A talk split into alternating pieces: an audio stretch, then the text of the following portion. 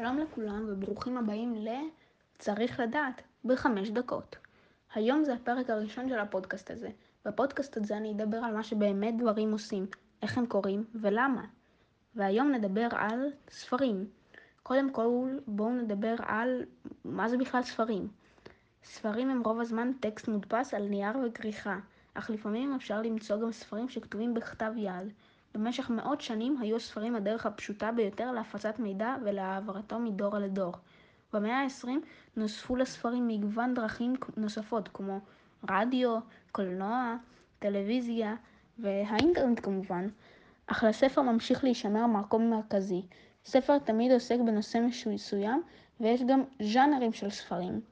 הז'אנר המפורסם ביותר הוא סיפורת, הנחלק לסוגים שונים, כגון רומנים, הרפתקאות, מדע בדיוני ופנטזיה, הסוג אהוב עליי זה פנטזיה. יש עוד ז'אנרים, אבל פחות ידועים, כמו שירה, שמספרת בין השאר על שירה אפית ושירה לירית, שזה נשמע משעמם לגמרי, נכון? אבל כנראה יש אנשים שזה מה שמעניין אותם. יש עוד ז'אנרים, אבל פחות ידועים, כמו ספרי הדרכה, למשל מדריכי טיולים, ספרות מצוירת, שזה בעצם קומיקס, ובטח עולה השאלה, הרי אנחנו בימי קורונה כרגע, האם יש עלייה בצריכת הספרים? התשובה היא כן ולא. אני אפרט. אולי אפשר לנחש שהספרים ירדו במכירות, בימי סגר נאלצו חנויות הספרים להיסגר, כמו גם עסקים אחרים. הירידה לא הכי משמעותית, 10%, אבל חנויות הספרים בהחלט הפסידו הרבה כסף. אך יש עוד צד, חיובי. אמנם הספרים המודפסים ירדו במכירות בזמן קורונה, אבל הספרים לא לגמרי נעלמו מהעולם. אפשר להגיד שהם התקדמו לעידן חדש יותר, העידן הדיגיטלי. אנשים שלא הסכימו בשום אופן להשתמש בספרים דיגיטליים בגלל מונחים כמו ריח הדפוס, נפתחו והחלו להשתמש כמעט בקביעות בספרים, באייפד ובטלפון, ואין כמעט הבדל בין הגילאים גם. מישהו הודיע שאביו, בן 80, קורא כל שבוע ספר באייפד, בעוד בתו התמכרה לאפליקציית קריאת הספרים. היא אומרת, בהפסקה גם כך כל הבנות באינסטגרם, אז אני לא נראית מוזרה. הקביצה בגריעה בספרים הדיגיטלית נקרא ביותר לאנשים בגילי 40 עד 60. הקפיצה במכירות של ספרים לגילאים האלה הם בין 300 ל-600 אחוזים. מטורף, לא? 600 זה פי 6. ספרי ילדים ונוער רק, במרכאות, הכפילו את עצמם. הקפיצה בקריאה בדיגיטלי נקרא בעיקר בישראל. באירופה ובארצות הברית היא כבר הייתה נפוצה. גם לסופרים זה משתלם.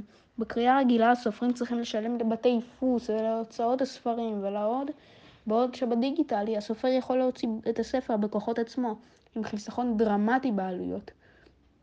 גם הקלטות ספרים צמחו בתקופת הקורונה. בשנים רגילות הפרויקט גדל ב-30% ממוצע שנה.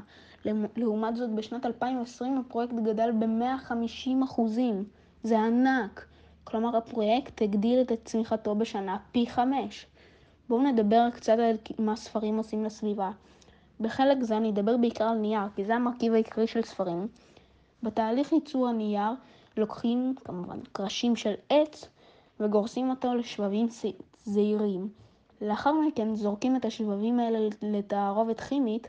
תהליך זה משחרר לאטמוספירה חומרים מזיקים כמו קלורופלואורו פחמנים. שמסובך, נכון? הקלורופלורופחמנים הזה מהווה איום על שכבת האוזון, וייצור הנייר הוא בשיעור של 300 מיליון טונות בשנה. כמובן שלא כל הנייר המיוצר הולך לספרים, אבל הם תופסים את המקום הראשון בצורך בנייר. אגב, הספר הכי מפורסם בעולם הוא כבר לא התנ"ך, הוא הקטלוג של איקאה. ואם כבר מדברים על התנ"ך, בואו נדבר על החלק שתופסים ספרי הקודש בקהילה. ישנם יחסית מעט ספרי קודש בהשוואה לז'אנרים אחרים. קוראן, תנ"ך, הברית החדשה, חומש, וזהו, נראה לי. יחסית למספרם המועט, תופסים ספרי הקודש תפקיד מרכזי בספרות העולמית. התנ"ך היה במשך מאות שנים הספר הנקרא ביותר בעולם. הברית החדשה היא גם בין הראשונים, והקוראן נקרא על ידי כל המוסלמים כל השנה. אני הייתי תום ג'ונס. והפודקאסט שלי הוא פודקאסט במסגרת יחד מחוננים רעננה. ביי.